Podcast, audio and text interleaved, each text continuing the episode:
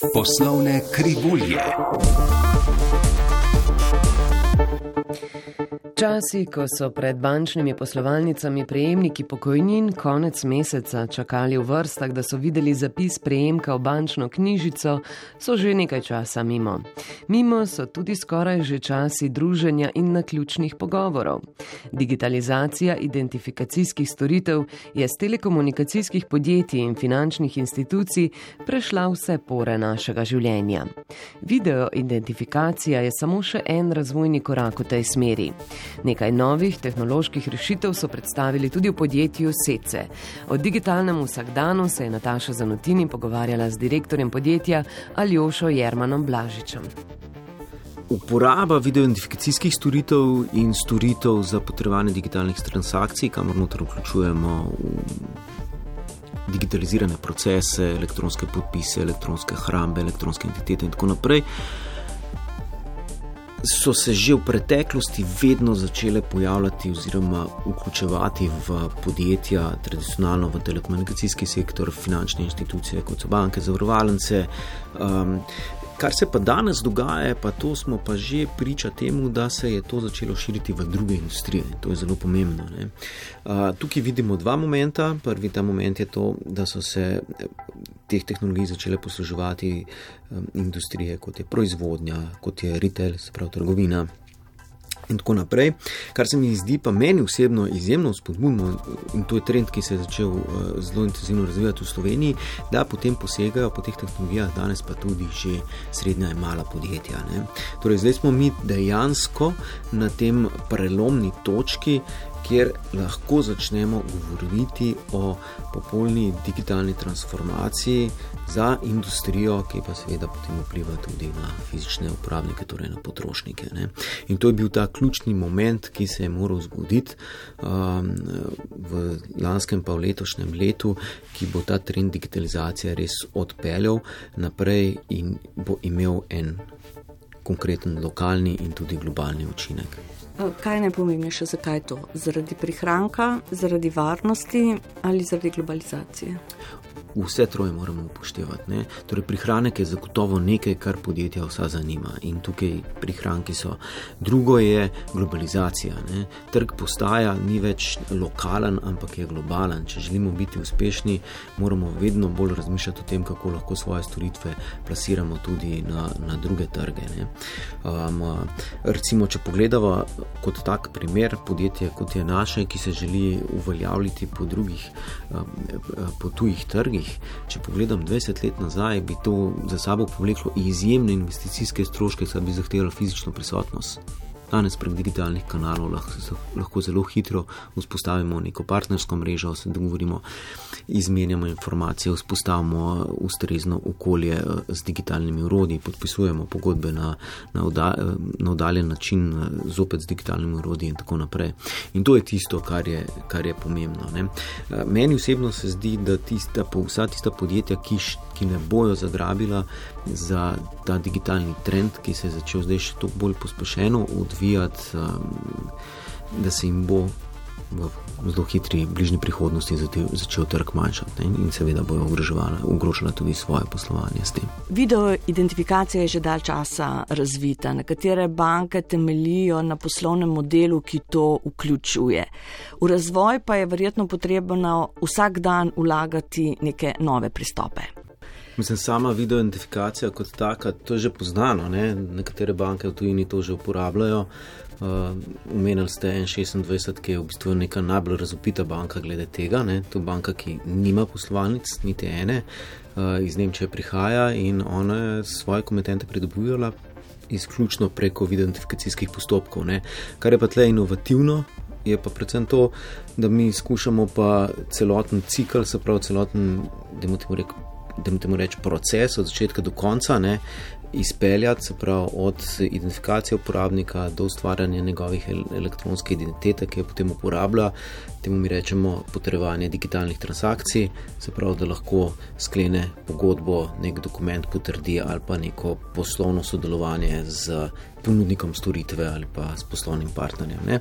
Tu pa so elementi noter, ki so komponirani kot, uh, lahko bi temu rekli, inovativni. Koliko je varnosti? Ja, pri takšnih postopkih je predvsem pomembno to, da za tem stoji ustrezna regulativa, ne, se pravi pravni okvir je potrebno vzpostaviti. Mi smo ga implementirali tukaj v Sloveniji skozi zakon o preprečevanju pranja denarja in financiranju terorizma. Slišiš sicer, da zakon obravnava neke druge probleme, ampak se je izkazal, izkazal tudi v drugih evropskih državah da gre za zakon, kjer so notrni vključeni tudi določeni postopki, ko identificiramo posameznika, ki želi upravljati določene finančne transakcije. Ne.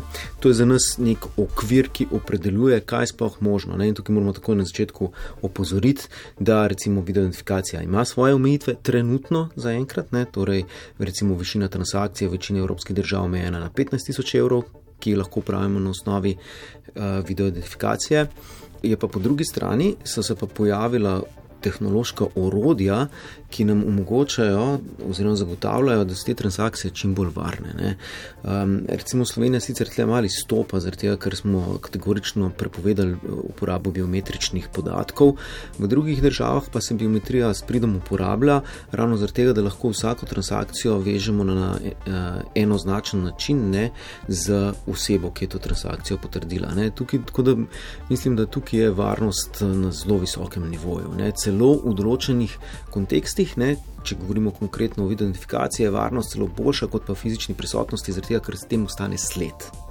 Mi vsak tak postopek izvedemo na način, da se ustvari revizijska sled, torej da se zapišejo podatki, ustvari se pripravljen zvočni zapis, ki gre v arhiv, eh, pripravijo, berejo vse podatki in tudi te podatke se ustrezno zaščitijo. Tukaj, tako da tukaj pri varnosti jaz mislim, da ni, uh, mislim, je bolj poskrbljeno kot pa pri fizičnem pristopu. Digitalizirala so se najprej večja podjetja in zagotovo je optimizacija poslovanja tisti prvi razlog. To je zdaj ena del zgodbe, ne, se pravi optimizacija, drugo je pa to, da se je pa enostavno z digitalnimi storitvami trg izjemno globaliziral.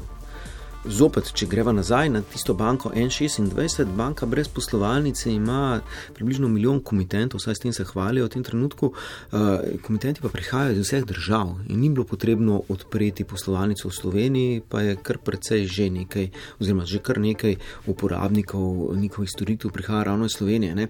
In to je zdaj pa tista drug razlog, oziroma ta drug motiv, ki sili podjetja, da posega po digitalnih tehnologijah, ker bojo enostavno ostala osamljena na nekem svojem lokalnem tržišču, ali pa še slabše, se jim bo poslovanje tako skrčilo, da bo postalo nerentabilno in bojo taka podjetja enostavno odpadla oziroma bojo omaknjena iz uh, trga. Video identifikacija je morda celo to nek omejevalni faktor za posameznike.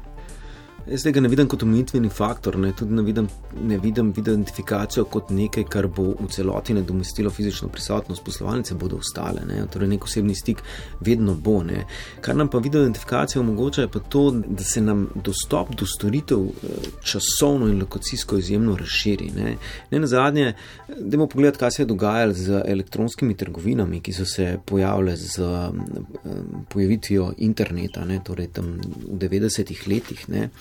Eh, danes eno najbolj vrednih podjetij na svetu je Amazon.com, ki je spletna trgovina. Ne? Zakaj? Zaradi tega, ker dejansko kupci želijo opravljati nakupe od doma ali pa kjerkoli so. Ne? In z videoidentifikacijo, ki kot sama, kot taka, omogoča dostop do nekaterih storitev tudi preko, in predvsem preko digitalnih kanalov, ni omejitev, ampak je kvečemu spodbuda ali pa um, omogoča, zdaj v angleščini se uporablja en zelo lušten izraz, enabler, ne, um, da lahko plasiramo digitalne storitve in jih dostavimo preko digitalnih kanalov do uporabnikov. Ne. Torej, to bo koeksistiralo, ne.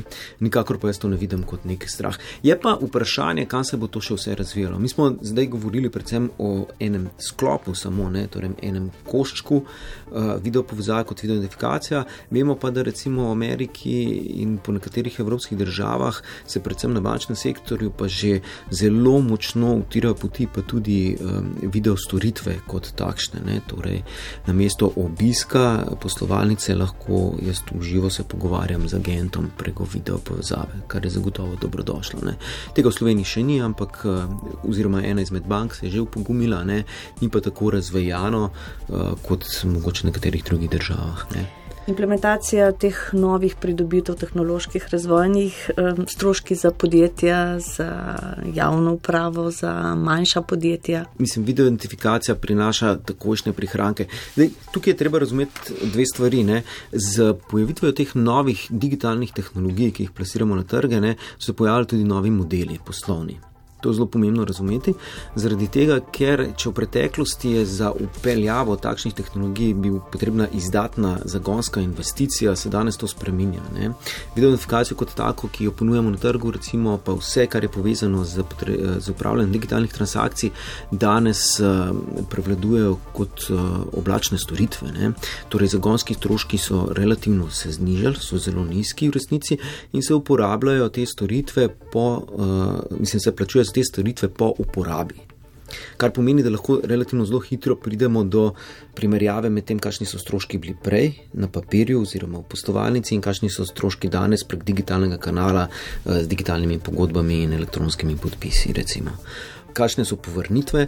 Mi beležimo povrnitve tudi v nekaj investicij, tudi v nekaj mesecih, ne? v primeru pa prehoda pa uporabe pa oblačnih storitev je pa povrnitev stroškov praktično takojšnja. S prihodom novih generacij pa seveda digitalizacija dobiva drugačen pomen.